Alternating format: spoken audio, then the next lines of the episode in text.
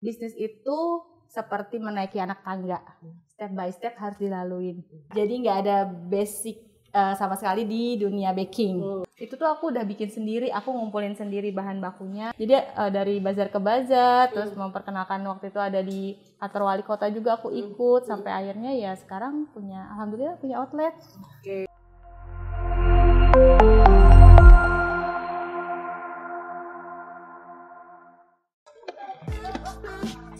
Oke, halo teman-teman entrepreneurs. Jadi sekarang aku udah nyampe di outlet resep dari Ami yang katanya itu setiap bulannya bisa menembus omsetnya tuh 70 juta per bulan.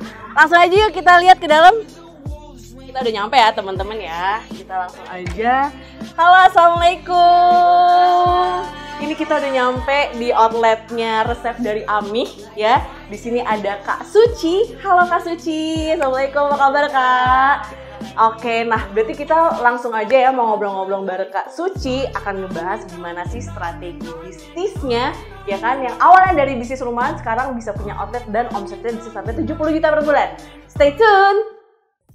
Halo teman-teman entrepreneurs, apa kabar? Balik lagi di di YouTube-nya Entrepreneurs Indonesia dan hari ini kita akan ngobrol-ngobrol bareng dengan Kak Suci selaku owner dari resep dari Ami nih. Oke, di sini aku udah di outletnya, which is ini outletnya juga udah cantik banget dan aku mau kulik lagi gimana sih waktu itu Kak Suci ngebangun resep dari Ami yaitu bisnis rumahan ya kayak ya, awalnya ya dan berawal dari edukasi juga dan sampai produknya nih juga udah dikenal nih dan katanya tuh course-nya itu course resepnya itu juga udah legit banget deh pokoknya. Oke, di sini udah ada Kak Suci. Halo Kak Suci.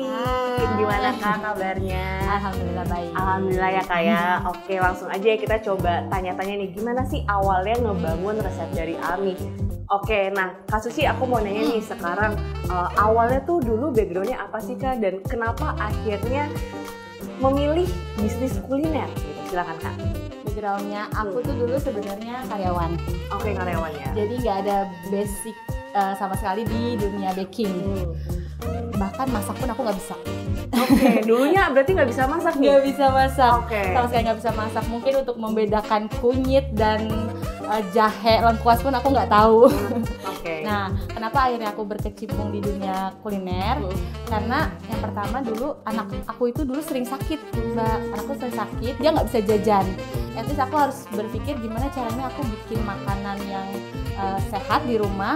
Dan memang aku yang tahu sendiri nih bahan-bahannya apa aja. Jadi aku mulai belajar dari situ untuk bikin cemilan awalnya. Dan aku cobain ke teman-teman ternyata banyak suka. Baru deh aku buka PO Oke, okay, jadi emang awalnya nih uh, bermula dari emang uh, anaknya kan dari Kasuci ini emang harus uh, makanannya harus bersih lah ya gitu. Harus kurang bersih, lebih harus ya. bersih dan harus dibuat hand, uh, homemade ya kurang lebih. Dan akhirnya di sini Kasuci belajar masak dari nol. Dari nol banget. Dari nol banget. Terus uh, coba memperkenalkan masakan Kasuci ini ke circle Kasuci dulu. Bener. Gitu. ke teman-teman kantor hmm. ke tetangga-tetangga hmm.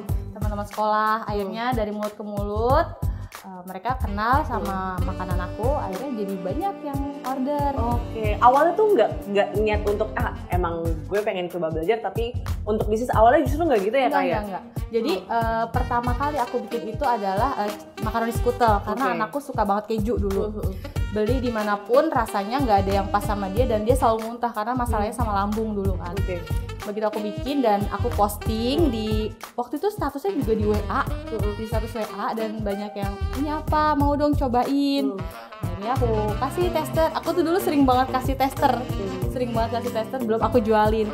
Karena uh, banyak yang mau responnya bagus akhirnya aku pikir ya udahlah kan butuh modalnya butuh muter juga ya. Akhirnya aku jualin dari situ. Oh oke. Okay. jadi uh, mulai start PO itu tahun berapa kak 2017. 2017. Ya, Oke, okay. dari makaroni skutel dulu terus hmm. lanjut uh, mau yang manis-manis nih. Ternyata aku coba waktu itu pertama kali bikin uh, avocado dessert. Avocado dessert. Karena uh, alpukatnya kan anakku suka. Hmm. Nah, tapi nggak mau monoton nih mau maunya ada dessertnya pakai apa ya? Pakai coklatnya, ada bolunya di hmm. situ. Jadi aku bikin avocado dessert. Hmm. Dua jualan itu aja awalnya aku bikin sampai di tahun 2018 akhirnya nyoba lagi untuk bikin lasanya. Hmm dan durian dessert. Sampai sekarang dia berkembang. Akhirnya sekarang kurang lebih ada 30 35 resep yang aku kelasin 35 resep yang dibuat course-nya? Yap. Wow, itu keren banget sih. Dan berawal dari masakan sendiri ya kan? Dan ternyata teman-temannya suka nih sama masakannya Kak Suci dan pengen tahu gimana sih cara buatnya akhirnya dibuatlah course-nya juga betul oke nah itu start buat course-nya dari tahun berapa tuh Kak? sebenarnya gini hmm. uh, pertama aku bikin hmm. karena banyak banget yang tanya hmm. itu sebenarnya resepnya aku share di hmm. Instagram jadi okay. siapa pun bisa akses siapa pun bisa lihat hmm. semuanya aku gramisasinya semua aku detail dengan sedetail-detailnya hmm. dan cara memasaknya juga semua aku detailin di situ tapi hmm. Karena banyak banget pertanyaan yang masuk ke waktu itu aku share di Instagram ya. Followernya sebenarnya baru 2000 2000-an lah waktu itu. Tapi banyak banget yang excited nih resepnya enak ya gitu. Karena aku tuh nggak sanggup untuk balas akhirnya mulai uh, kelas online itu awal pandemi sekitar dua tahun lalu. Oh baru okay. kelasnya aku buka. Oke okay. dan boleh di sharing nggak? Ini udah total berapa orang yang ikut kelas uh, resepnya dari Kak Suci. Hampir 15 ribu. Hampir 15 ribu. Dari, dari Sabang sampai Merauke. Dari Sabang sampai tepuk tangan dong Kak Suci ini hebat banget. Udah hampir 15 ribu orang ya yang, mengikuti course resep Kak Suci ini. Keren banget sih dan nah Kak kan waktu pas ngebangun resep dari Ami ini kan pasti banyak tantangannya nih ya Kak. Apalagi ini awal mulanya bener-bener dari bisnis rumahan gitu. Awalnya kakak bener-bener semuanya belajar sendiri ngerjain sendiri dan struggle-nya tuh gimana sih bisa sampai akhirnya punya outlet dan bisa sampai uh, course-nya itu udah kurang lebih 15 ribu orang ya hampir ikut ya Gila, keren banget sih. Nah, boleh nggak kak diceritain? Kalau ditanya struggle-nya kayaknya udah berdarah-darah ya.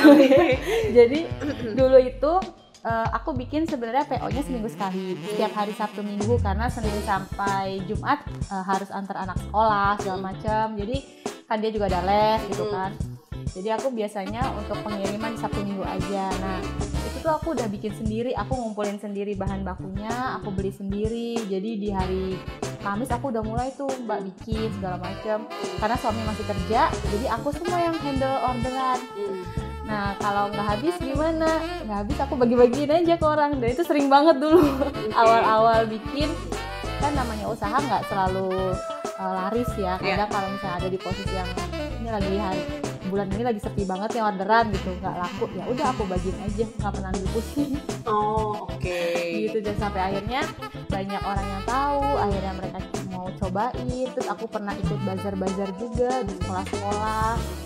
Dan itu sendiri lagi punya anak bayi aku ajak. Jadi kalau ditanya struggle-nya tuh perjuangannya luar biasa banget.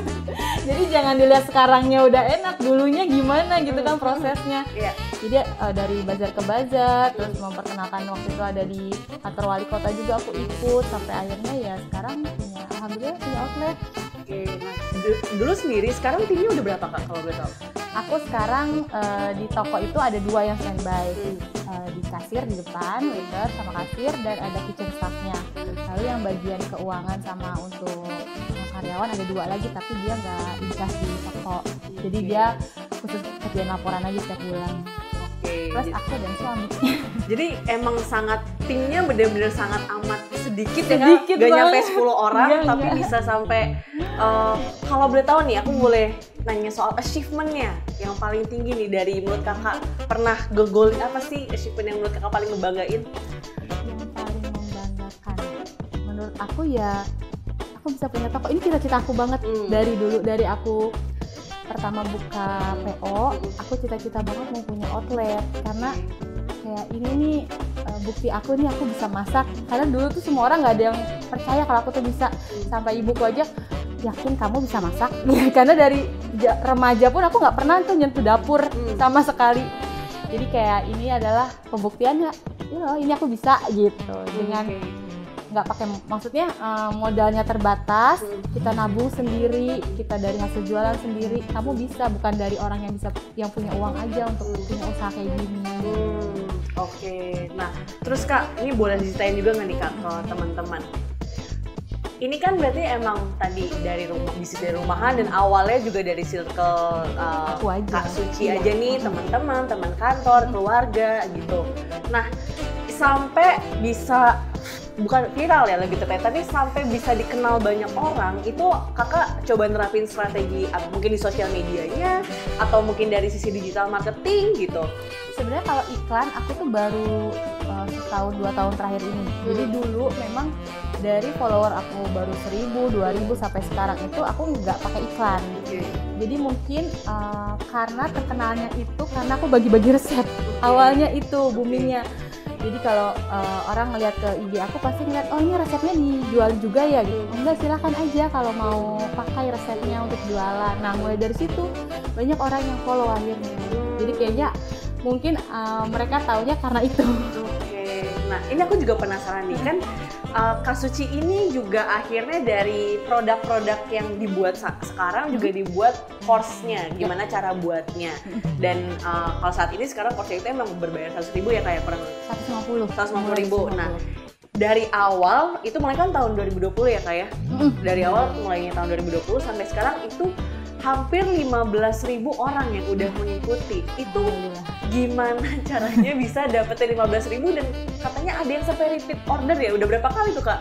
kadang semua kelasku itu mereka ikut sampai ada yang kayak gitu karena gini aku sebenarnya eh, bikin kelas dengan eh, biaya yang murah sih termasuk murah ya kalau Iya. misalnya eh, teman-teman lihat juga di sosial media tuh kalau kelas-kelas memasak biasanya mahal-mahal ya aku memang niatnya karena membantu jadi eh, mereka tuh merasa kayak nggak dimentorin sama aku tapi kita kayak sharing aja jadi orang kayak aku udah nyaman ini udahlah aku ikut kelas Ami aja Ami buka kelas apa aku ikut itu sampai ada yang 15 20 kelas aku semua mereka ikut Wow, jadi aku bisa bilang repeat ordernya itu bisa 15.000 sampai 20.000 kali ikut ya? ya Wah, ini aku kok bisa kak? Itu gimana tuh kak? Maksudnya uh, apa yang kak Suci ini apa ya strateginya mungkin bisa sampai terusan apa mungkin dari kak Sucinya menerapkan personal branding atau mungkin ada treatment khusus biar uh, misalnya aku nih yang tadi cuma ikut sekali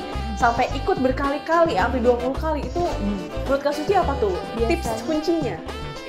Eh, biasanya orang ikut itu melihat karena eh, ada bukti Ada menurut aku bukti, gitu ya oke. jadi apa yang aku ajarkan laku atau enggaknya ini buktinya Hmm. di toko ini karena aku aku fair fairan sama follower aku Hmm. ataupun sama yang mau ikut kelas kalau resep ini kurang banyak peminatnya di toko tapi Hmm. mungkin di daerah lain eh, bagus karena penjualannya belum banyak di sana Hmm. oke mereka ikut jadi apa yang aku sampaikan real apa adanya nggak ada aku tutup-tutupin nggak ada aku bagus-bagusin jadi mungkin atas dasar itu mereka trust sama aku, percaya dan nyaman, ya bisa repeat berkali-kali mau ikut kelas.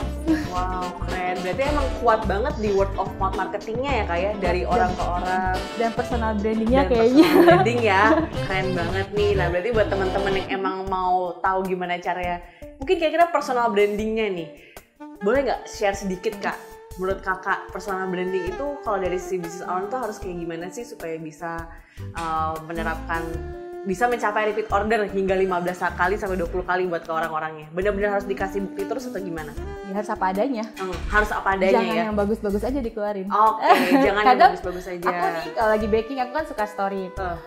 Nggak cuma walaupun aku udah ngajar, misalnya walaupun aku udah bikin kelas, kadang ya gosong juga ada gitu Hmm. kan. Uh, beberapa kali aku harus uh, ganti-ganti gitu apa namanya uh, adonannya itu aku kasih tahu ke mereka.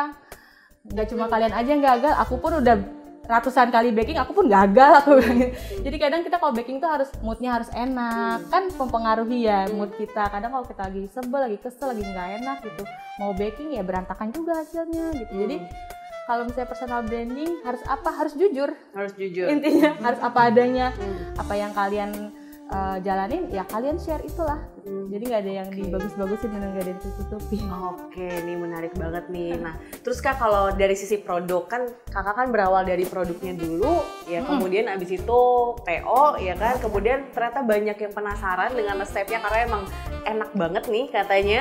Nah itu uh, ada peningkatan pertumbuhan uh, penjualan mungkin dari si produknya? Banget banget. Uh. Dulu waktu aku di rumah hmm. itu aku hanya sanggup mengerjakan mungkin sekitar 50 sampai 70 karena ya aku sendiri yang ngerjain. Hmm.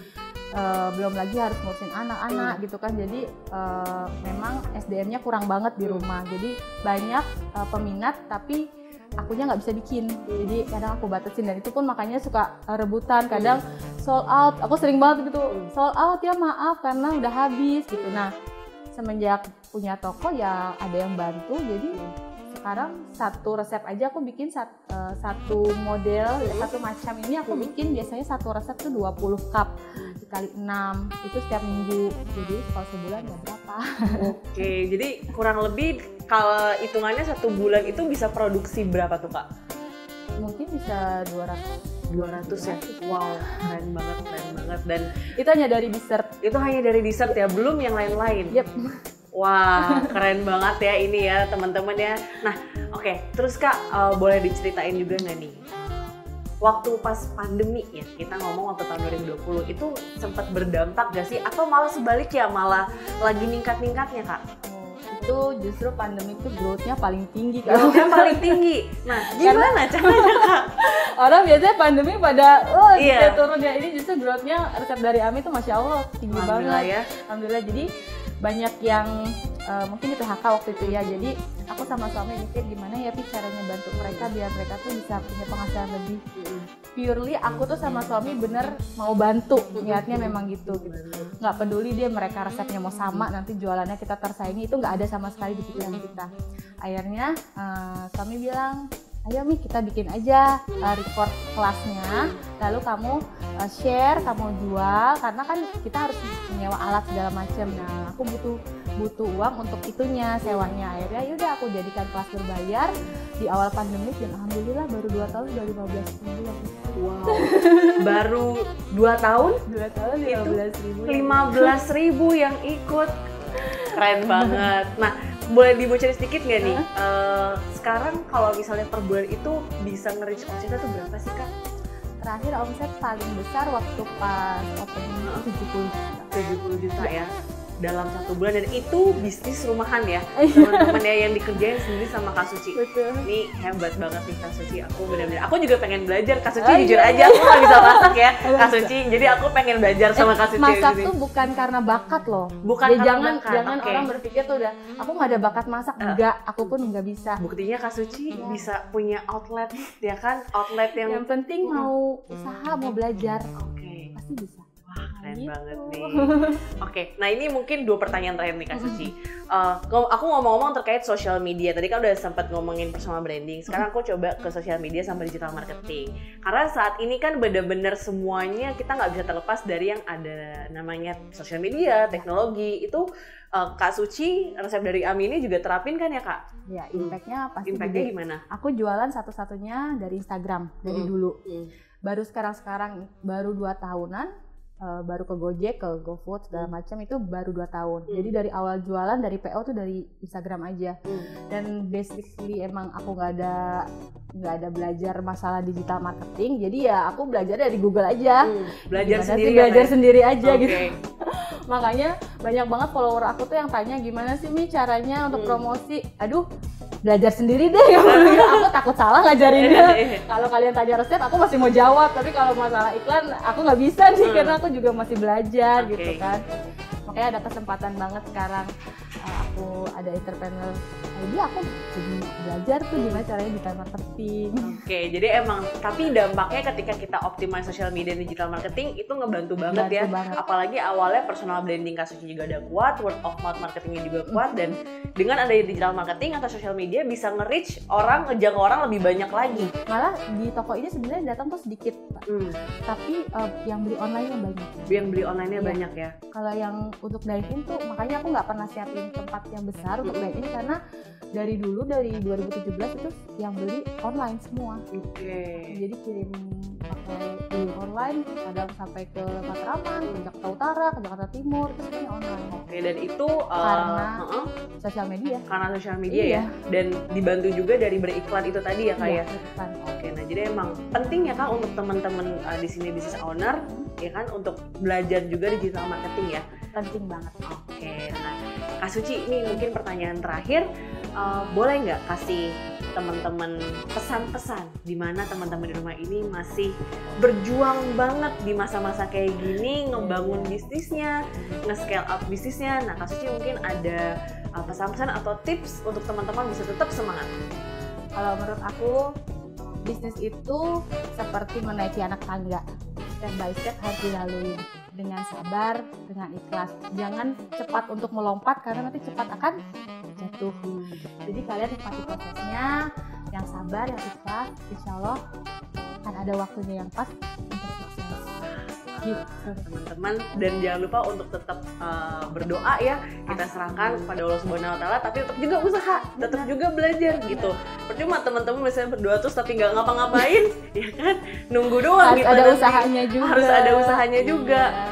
aku Oke. pun begini juga nggak berdoa 24 jam gitu kan tapi ada usahanya juga. ada usahanya ya kayak tuh teman-teman. Jadi buat teman-teman dimulai dulu belajar konsisten dan tetap semangat. Dan jangan lupa tetap berdoa juga gitu oke Kak Suci thank you banget udah Sama-sama. sharing-sharing aku yang makasih udah datang ke sini Iya, dan mungkin nanti kita bisa next collab selain ada webinar, siapa tahu kita bisa ngadain workshop bareng ya kak ya. Oh, gitu boleh. buat teman-teman yang mau belajar masak atau mau bisa ngobrol bareng sama Kak Suci, ya kan? Nanti kita bisa siapin buat teman-teman entrepreneurs Indonesia. Oke Kak Suci. Makasih banyak loh aku kesempatannya. Thank you, thank you Kak Suci. Nah teman-teman jangan lupa untuk uh, follow dan subscribe social media entrepreneurs Indonesia dan juga jangan lupa di follow juga sosial media resep dari Ami ya teman-teman ya. Oke, sampai jumpa di episode berikutnya teman-teman. Dadah.